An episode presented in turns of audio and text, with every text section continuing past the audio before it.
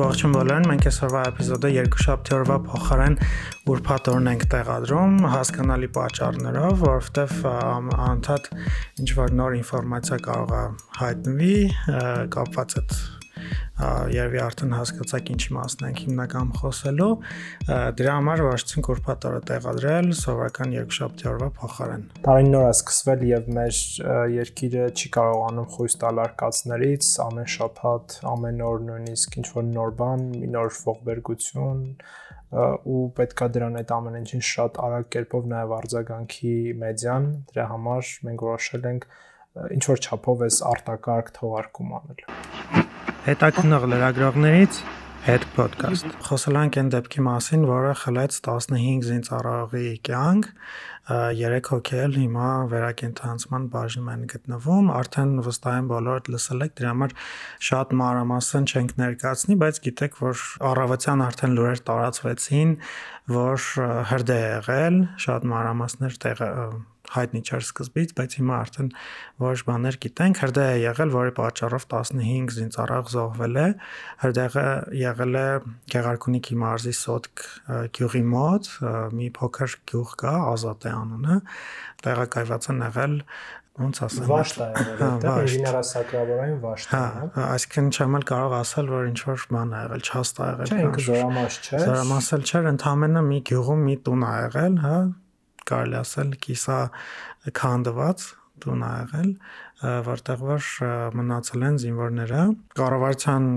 ասելով ժամանակավոր ա եղել, բայց գիտենք, որ 2021 թվականից այդտեղ են եղել ու համարյա արդեն ու տարուց ավել է այդտեղ են եղել ու այս դեպքը տեղի ունեցավ միանգամից կառավարության կողմից հենց Փաշինյանի ասելով ինչ որ վարկած առաջ քաշեցին ըստ որի սպաներից մեկը բենզինի միջոցով փորձել է կրակը վառել, հա, փեջը այդ վառել ու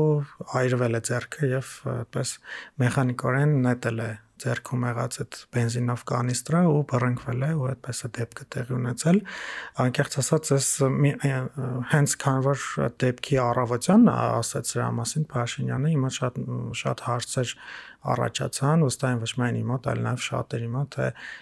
որտեղից էսքան, հա, ինֆորմացիա առանց ինչ որ քննություն անցկացնելու, առանց դեռ նորմալ, ասենքն նոր-նոր էին էլի հանգցրել կրակը, որտեղից էսպիսի վարկած Իրականում սամս ես կարծում եմ, որ իրանք բավարար ժամանակ ունեն այդ ամեն ինչ հասկանալու։ Եթե մենք նայենք զուտ զուտ, նու իհարկե ես սա ընդհանրում եմ եւ ամենևին վստահ չեմ, որ սա հենց տենց է եղել ըստ հաղորդագրության կրակը հրդեհը բռնկվել է ժամ 1-ի սահմաններում 1 անց չեմ հիշում քանի րոպե այնտեղ իմիջալած բան էլ կա հակասությունները կա որովհետև իրենց դասակի հրամանատարը որ հարցազրույց տվեց երեք ասեց ուրիշ ժամ ասեց ասեց 12-ից կեսի 40-ի կողմերը, այսինքն այդ առումով այդ տեսանյութին դեռ կանդրադառնանք, որովհետև այնտեղ ինձ համար մի քիչ շատ կասկածելի բաներ կա, չնայած շատերը առաջինից րոպեներից սկսեցին հավատալ այդ սպայն, ես մի քիչ ամեն դեպքում ձեռնպահ կմնամ եւ ամեն իր ասած խոսքին չեմ հավատա։ Հա, բնականաբար այնպեսի իրավիճակը, որ ոչ կարող ենք հավատալ մի պաշտոնական տեղեկատվությանը, հա, միասպես միանշանակ, ոչ էլ ցանկացած մեկը, որ պնդում է, որ հաստատ գիտի թե ինչ է տեղ ունեցել։ Ամեն դեպքում զուտ ժամանակային առումով հաղորդագրության մեջ ես հիշում եմ գրված էր 1 անց քանի րոպե։ 1 անց կես էր։ Հրդեհ հնարավոր է եղել հանգցնել ժամը 6:36, եթե ես չեմ սխալվում, հուսամ հետո հյուրում ճիշտ եմ ասում։ Կառավարության նիստը հենց հաջորդ օրն էր, 5 շաբթի օրը գիտեք կառավարության նիստը, նիստը սկսում է ժամը 11-ին, այսինքն մոտավորապես 5 ժամ ուներ կառավարությունը, այդ նու վարչապետ ամեն դեպքում իրեն դա զեկուցել, այն պաշտպանության նախարարը զեկուցել, ինչ որ նախնական վարկած կարող ձևավորվել։ Ավելին, ես վստահ եմ, որ հրդեհից հետո 1 ժամ գոնե, կես ժամ հետո հաստատ Սուրեն Պապիկյանին քնից հանել են, զեկուցել են թե ինչա կատարվում եւ վստահ եմ, որ նու վստահ չեմ, հավանաբար ենթադրում եմ, որ Սուրեն Պապիկյանն էլ իր հերթին Փաշինյանին է տեղեկացել, այսինքն գոնե 3-ից 2-ից 3-ից գիշերը Փաշինյանը դրա մասին ենթադրում եմ որ տեղյակ ա եղել եւ նախնական ինչ որ sense վարկած կարող լինել եթե իհարկե փորձ չի արվում չգիտեմ թաքցվել կամ այլ ինչ որ բան ներկայացվել բայց գոնե հավատանք, այսպես ասած, իչնած այս պարագայում մի քիչ հիմքեր չկան կասկածելու, որ կարա ինչ-որ բան, բայց ամեն դեպքում ընդունենք պետական այս պաշտոնական վարկածը եւ գոնե ինչ-որ մի քանի ժամ ուներ կառավարությունը կամ կառավարության ղեկավարը ինչ որ նախնական վարկած առաջքաշելու նաև խոսելով պետական այդ վարկածից, հա, պետության կողմից առաջ քաշած վարկածից պետք է նշենք, որ երեկերական քնչական կոմիտեն տարածեց որոշ մանրամասներ, որոնց մեջ իրոք այդ պահը կար, որ արևածք է ստացել, հա, բենզինով բանը օգտագործելուց, փեջը վառելու համար արևածք է ստացել, նետել է մեխանիկորեն իր ձեռքից այդ բենզինով տարան, կրակ է բռնկվել, հետո դրսում գտնվող այդ ժամկետային զինծառայողներն էլ փորձել են Ural Magnitshy մեքենավ հարվածել են, հա, տան պատին, որպեսզի ճանապարհ ազատեն, գոնե կարողանան դուրս գան։ Այնտեղ նկարների մեջ երևում է, որ պատանների վրա ճաղավանդակներ կան քաշած, բայց դրան վրա չկա քաշած։ Իմ կարծիքով դեռ չնայած նրան, որ պաշտոնական վարկած կա, այսպես բավականին հիմնավ, նո, հիմնավոր չասենք, այլ բավական արագ, հա, այսպես հնարավոր եղավ բարձել կամ հարցակնությունների ամեն դեպքում արդյունքում այդ ենթադրություններին են եկել։ Չնայած նա որ այդ կա, բայց միևնույնն է ինչ որ sense կողքից որ նայում ես, փորձում ես ինքնուրույն վերլուծել ավելի շատ հարցեր են առաջանում, քան պատասխաններ մինչև հիմա տվել են։ Հարցերը շատ-շատ։ Նախ եւ առաջ սկսենք նրանից, թե ինչի են այդտեղ գտնվում այդ վաշտը, որովհետեւ ամենակարևոր հարցը։ Այո, ինժեներասակրավորային վաշտը դա հրաձգային կամ մոտոհրաձգային վաշտ չի, որ լինեն, ասենք, չգիտեմ, 50-60 հոգի, մինչև նույնիսկ վաշտ կա 100-ի էլ հասնում կան այդպեսի զորամասեր դա 15-ից մինչև 20-22 հոկանոց վաշտը սովորաբար ինժեներասակրավորային վաշտ։ Նույնիսկ ինժեներասակրավորային վաշտ ովքեր չգիտեն, դրանք են զինծառայողներն են, ովքեր ականապատում են, ականազերծում են եւ ամեն ինչ իրենց կախված է ականների հետ, կամ մինա, ռուսերեն տերմինաբանությամբ ասած, Իրանք փոքր են իրանք կառուցվածքով լինում։ Ինձ համար շատ կարևոր հարց է թե ինչ են իրանք անում այդտեղ։ Այսինքն դաշտային ելքի են դուրս եկած այդտեղ մնում են, թե այդ ստորաբաժանման, տեղակայման, մշտական տեղակայման վայրներ, դա ինչի իրանք զորամասում չեն, չգիտեմ, 20 հոգու համար զորամասում զորանոց կառուցելը շատ մեծ ինչ որ պետության համար բան չի էլի։ Հա, ուղղակի իմսի տպավորությունն է, որ բանայից ասել են դա գնացեք այս գյուղում ինչ որ ազատ տուն ա եղել, հա, դատարկ տուն ա եղել, վերցրել են տանը, ուղակի տեղակայել են ու վստահ եմ զայկույցների ժամանակ էլ ասել են ամեն ինչ կարքին է, խնդիր չկա եւ այլն։ Ամենակրխավոր հարցը ինչ գործ ունի 10 15-ից 20 հոգին, նույնիսկ ավելին այդ գյուղի տան մեջ։ Երկրորդը սպան ոնց հասկացանք վաշտի հրամանատար նշանակվել է ընդհանրապես դեպքից 1 օր առաջ հունվարի 18-ին սովորաբար ովքեր ծառայել են հաստատ գիտեն վառարանի համար երբ օրինակ գնում են ինչ որ միտեղ որտեղ վառան են վառում դրա համար պատասխանատուն այդ օրվա հերթապահն օրապահներն են Իրանք են հետևում, որ կրակը չհանգչի, չգիտեմ, այդ ամեն ինչը ավելի իրենց վրա է դրած, իսկ այնտեղ հաղորդագրության մեջ հենց շեշտված դա դնում էր, որ հերթապահը կողքի սենյակում թե խոհանոցում, չեմ հիշում, հեռախոսով խոսում էր։ Դա առաջին նախադասությունն էր այդ հաղորդագրության, ոնց որ խնդիրը հերթապայի տեղում չգտնվելն ու հեռախոսով խոսել։ Հա, այնտեղ նաև ասում էր, որ երկու ժամկետային ծառայող էլ գնացել էին աղբյուրից ջուր բերելու, այսինքն գիշերը ժամը 10:20-ից կես։ Ես ենթադրում եմ, որ դա Սամավոլկան է։ Չէ, Սամավոլկա։ Իմ կարծիքով Սամավոլկան է։ Հերթա օրապահները սովորաբար լինում են 3 հոգի կա մեկ հերթապահ, 3 օրապահ, ինչ որ դեպքում 2 օրապահ, որոնք 2 ժամը մեկ, մեկը մեկին հերթափոխով փոխում են։ Դրանք կարող է ազատ հերթափոխի օրապահներն են եղել, ովքեր գնացել են ջուր բերել։ Միգուցե իրանք են։ Կարող լինի նաև զինծառայող, որ ընդհանրապես այդ օրվա վերակարգի մեջ ինքը չի եղել։ Ինքը կարան եւ օրապահներ լինեն, որոնք պատասխանատու են նաև դրա համար պետք է գնան ջուր բերեն եւ այլն, բայց Ահագի սովորաբար ջուր 10-20 կես գիշերը մթին չեն բերում։ Մարդես կարող է ծարավեն կամ առավոտյան ճաշի համար պետք է ջուր, այդքան դրա բանը չի, ինչքան այստեղ այն բարդակի եւ ոչ պրոֆեսիոնալիզմի հարց։ Հա, միանշանակ։ Սա վկայում է մի քանի բանի մասին։ Վայ, իմ կարծիքով ամբողջ այս գործը միակ միակ բանը, որ հստակ ցույց է տալիս, է տնա, որ բարդակ ա եղել։ Ա բարդակ կա, դա ցույց է տալիս, որ մեր սպայական կազմը, եթե հիմք ընդունենք, որ ամեն դեպքում մեղքի ինչ որ մի հատ խոշոր բաժին է ավտոբենզինով կամ նեֆրազով վառարան փորձել վառող սպայից է գալիս, դա խոսում է շատ ու շատ բաների մասին, որը սպան, ով հավանաբար ավարտել է Վազգեն Սարգսյանի համալսարանը, անվան ռազմա ռազմաուսումնական համալսարանը, բավարար կրթություն այնտեղ չի ստացել, բավարար գիտելիք չի ստացել, որ 5 լիտրանոցով վառարան ոնց է վառում եղբայր կամ չգիտեմ, էլի մի քիչ Համել նաև մի անգամից խոսում ենք առաջի հա այդ բնազդը խոսալ անվտանգության կանոններին չհետևելու ընդհանրապես անվտանգության կանոնների մասին,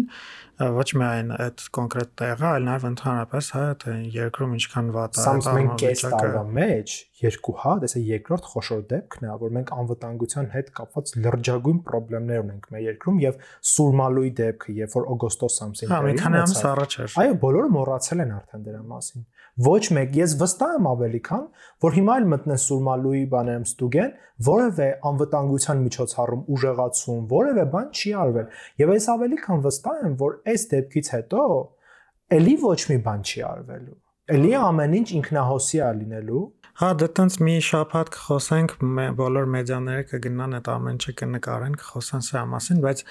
որոշում կայացնողները իրավիճակի վրա իրականացություն ունեցողները բան չեն անում մեդիայի ներկայացուցիչներ, որովհետև մենք ինքներս էլ հետևողականորեն չենք դրան հետևում, հա, տեսնենք այդ հարցը լուծվեց թե չէ։ Բացի դրանից էլ նաև իմ կարծում եմ ինդիվիդուալ, հա, մակարդակում է այդ ամեն ինչը դրսևորում, որ անվտանգության կանոններին չենք հետևում ոչ մեկս, Բացի դրանից էլ ինչ է ուզում ասել, որ նաև ընդհանուր համակարգային էլ, հա, ոչ մի մեր շենքում չկա անվտանգության չեն պահում անվտանգության կանոնները, վստահ ձեր շենքում էլ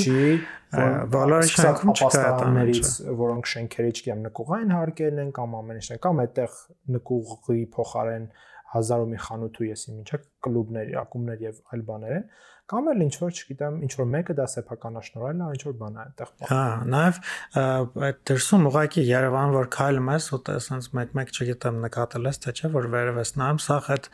էլեկտրոէներգիայի այդ լարերն են,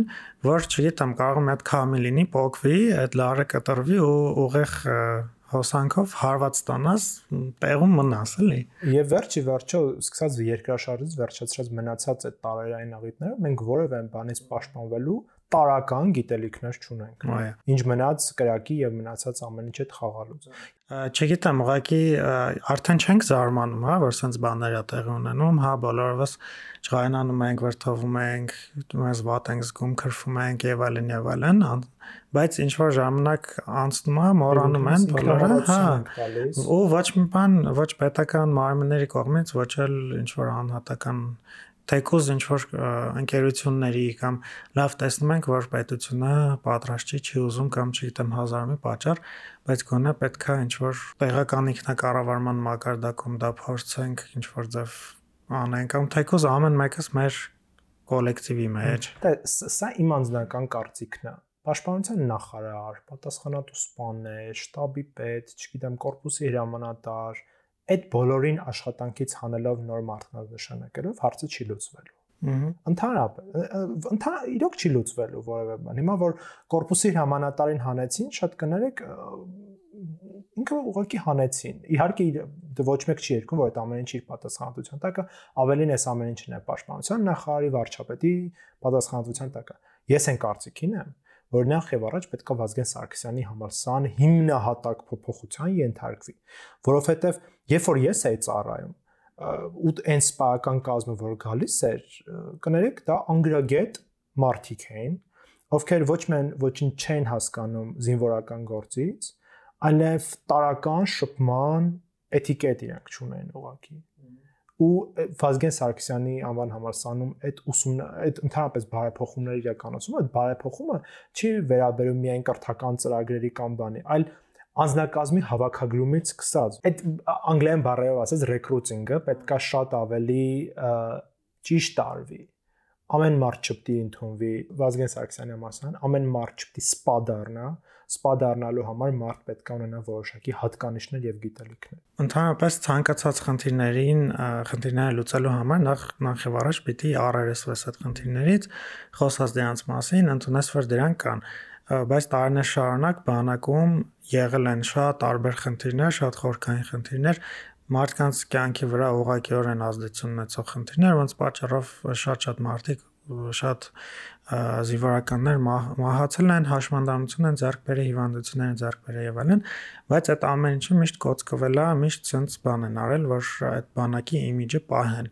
ու կարծում եմ ժամանակն է, որ դրանից մենք հրաժարվենք ու իսկապես խոսենք այն խնդիրների մասին, որոնք որ կան ու իսկ բանակում խնդիրները շատ-շատ մեծ են։ Հիմա էլ մենք որպես մեդիավար փորձում ենք լուսաբանենք, փորձում ենք ինչ-որ ձև դերական ազդեցություն ունենանք բանայի աշխատանքի վրա, հա, որ հանրային վերահսկողություն տեղ ունենա 2020 թվականի պատերազմից հետո կարելի ասել օթերը փակել են ընդհանրապես մեդիաներին գրեթե ոչ մի ձև շատ վատ են պատասխանում հարցումների իրականում լավ չեն փայլում։ Հիմա ուղղակի, հա, ՊՆ-ն չէր փայլում մեդիաների հետ աշխատանքի իր ունակություններով, հիմա բաբշա ավելի վատ, դարել է ել ավելի փակ հաստատություն։ Նաև ոնց որ մեդիաները մուտք չունեն, որ չեն կարող գնալ, տեսնել, հասկանալ իրական ինչա կատարվում, դրա համար ցենց դեպքեր են տեղ ունենում ու լիքը մարտազավում լրիվ անիմաստ։ Ամեն դեպքում, եթե մենք վերադառնանք լի երեկվա դեպքին, շատ տարբեր վարկածներ էին, պաշտոնական վարկածից շատ տարբեր այլ վարկածներն են շրջանառվում։ Ոմանք պնդում են, որ դա դիվերսիա էր ադրբեջանական կողմից ձեռնարկած։ Հա, ինչ լինում է, տենց փնդաղներ կան, չէ, որ անգամ տեսանյութեր էին համացանցում տարածում, մի հատ տեսանյութ էր տարածում, որտեղ վառվող տուն էր երևում եւ ասում էր դա երեկվա կադրից է, TikTok-ում էր դա տարածում եւ ուղղակի այդ փնդողները պրոստը չեն լսում այդ նկարողը, չգիտեմ, ադրբեջաներեն կամ թուրքերեն էր խոսում ու այդ ինձ թվում է խնդիրներից փախնելու ինչ որ մի ձև է որ հա։ նախընտրում են մարդիկ հա նախընտրում են մարդիկ հավատան որ այդ ադրբեջանական ինչ որ դիվերսիա կանեն որ այո մենք իսկապես տենց խնդիրներ ունենք ու իսկապես այդ ինչ որ ադրբեջանական դիվերսիա չի այլ իրական խնդիրներ են շատ-շատ տարածվում էր նաև Python-ի վարկածը, ասում են, որ միգուցե այնտեղ Python-իկ նյութեր են եղել, սպառազինությունն է Python, դրա հետևանքով այդ շատերը զոհվել են նաև փլվել, այդ փլուզումը եղել է նաև դրա պատճառով հետո իհարկե պաշտոնականը դա հերքեց եւ այնտեղ իրականում այդ Python-ի պահը մի քիչ նկարներում էլ էր բայում շատերը այդտեղ տեսնում են մի կադրում օրինակ երևում էր պատը ամբողջությամբ սևացած Բայց մի քանի կադրերում սևացած պատ չկա։ Այդտեղ դրա համար շատերը այդ Python-ի վարկածի շուրջ մեծ կասկածներ ունեն։ Իհարկե հետո հերքեց քնչական կոմիտեն, որ Python չէ եղել։ Այդտեղ լրագրողներն որ գնացել այն հարցնում են, չեմ հիշում կարծեմ առաջինը մի լրագրողներ հարցնում էր այդտեղ բնակչին այդ գյուղից ասում են չէ մենք Python չենք լսել հետո նոր հերկվեց, որ Python չի եղել։ Եվ իրոք Python-ի բանը մի քիչ անհավատալի էր, որովհետև եթե դուք ուշադիր նայեք, հենց այդ պատին կպած մի հատ ուրիշ տուն էր կամ գոմ էր, չգիտեմ։ Ու ոչ ման չէր։ Որևէ բան նույնիսկ սևացած չէր, ինչ որ բան չկար, էլի, ամեն դեպքում այդ Python-ի Երևի ապակողնաշղեր այդ փլված պատը, որ բոլորը մտածում էին ոնց է փլվել։ Պատներ փլվել, ու տես այստեղ ուրեմն զինվորները նաև իմացել են, որ եթե իրանք ուրալով խփեն բանին, այդ ինչ ուրեմն ինքը բարակության պատ ա եղել, որ տենց ինքը փլ փլվել է, էլի հողաշեն կամ ինչ որ բան ա եղել, ամեն դեպքում ինքը ոչ ամուր նյութից կառուցված բան ա եղել, էլի։ Համել նայ, այդ փոքր տան մեջ ինչքան շատ քիչ երևի 25 քառակուսի մեջ, այդ տան մեջ եղել է միևնույն ժամանակ 15 հոգի, որոնք որ նո 15 որոնք որ զոհվել են եւ պլյուս 3, հա ու այդ փոքր տարածքի մեջ հաշվի առնենք որ կա այդտեղ նաև երևի դյուրագրգիռ ինչ որ բաներ, հա, ինչ որ տմբուշկ է կորնակ կարող է կա, մահճակալ, փայտեր, փայտեր, փայտեր, որը հեշտ վառվող բան։ Այո, պլյուս եթե իրանք ծածկվել են քնապարկերով, այդ քնապարկերն էլ շատ հեշտ բռնկվող բաներ են։ Ես ամեն դեպքում կարծում եմ, որ անկողին է եղել եւ քնապարկով չեն։ Միգուցե անկողին դեպքում ինքը դյուրա Հա, դյուրագրգիռ, դյուրավար, հա, ասացի, հա, դյուրավար։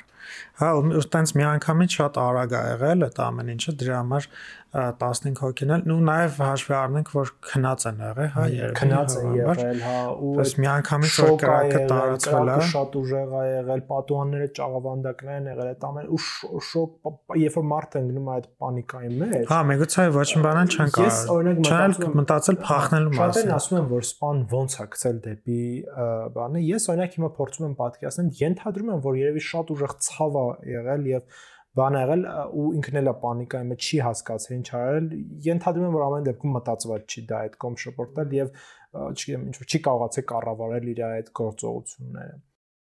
Հաշա ռեֆլեքսորեն ձերքը շարժել է ինչ որ տենց բան եղել։ Այս ամեն ինչը ամփոփելով հասկանալով, իդեպ ես մի բան էլ եմ ուզում ասել,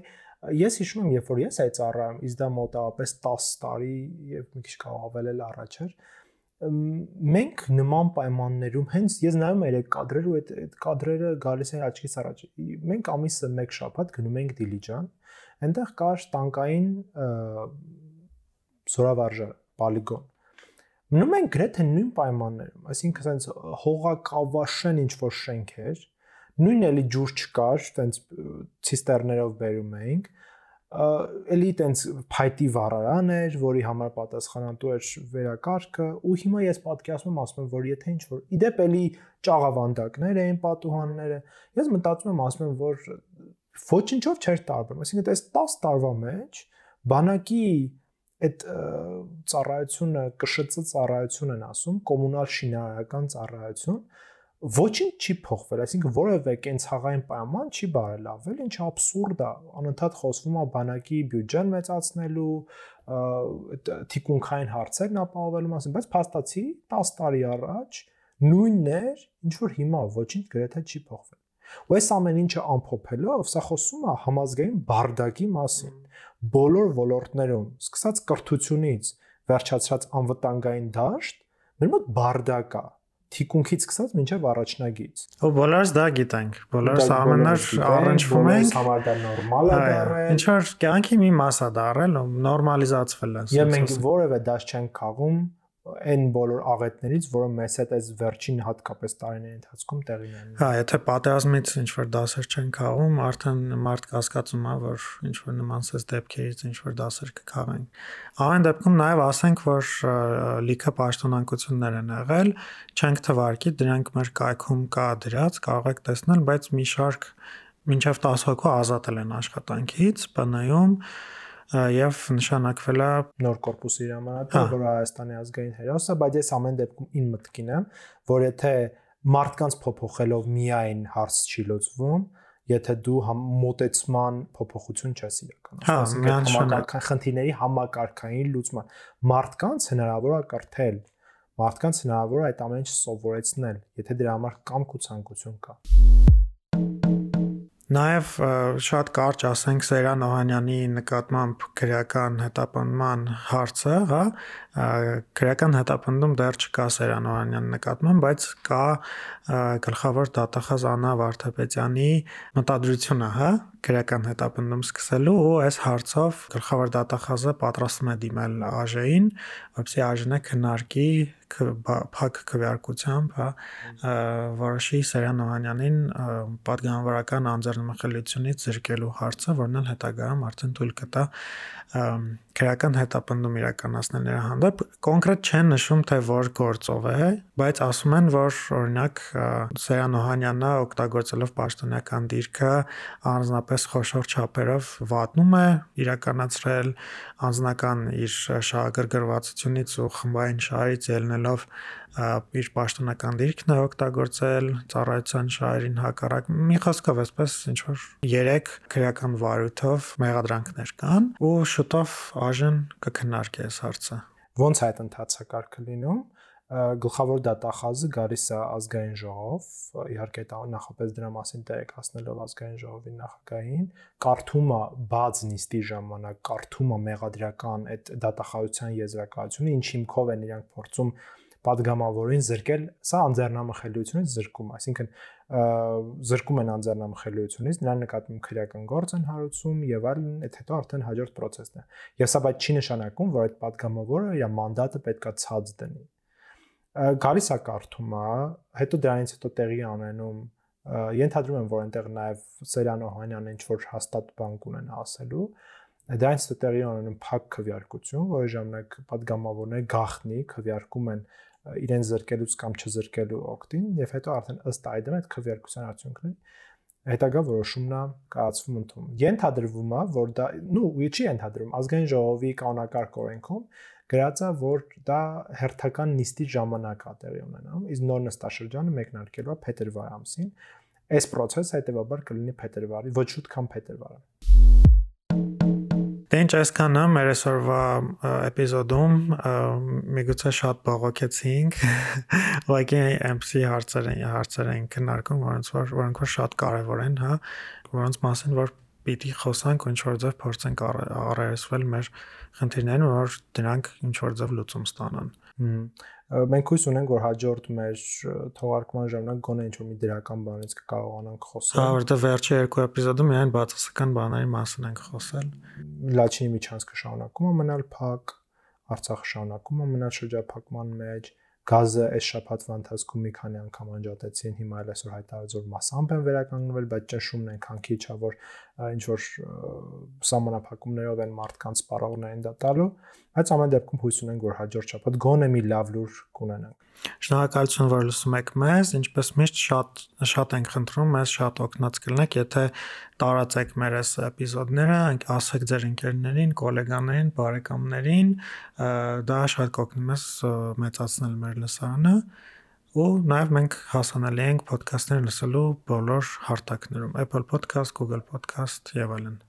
Ամփորձանք հանգստյան օրեր բոլորին։ Այո, եւ համբերություն։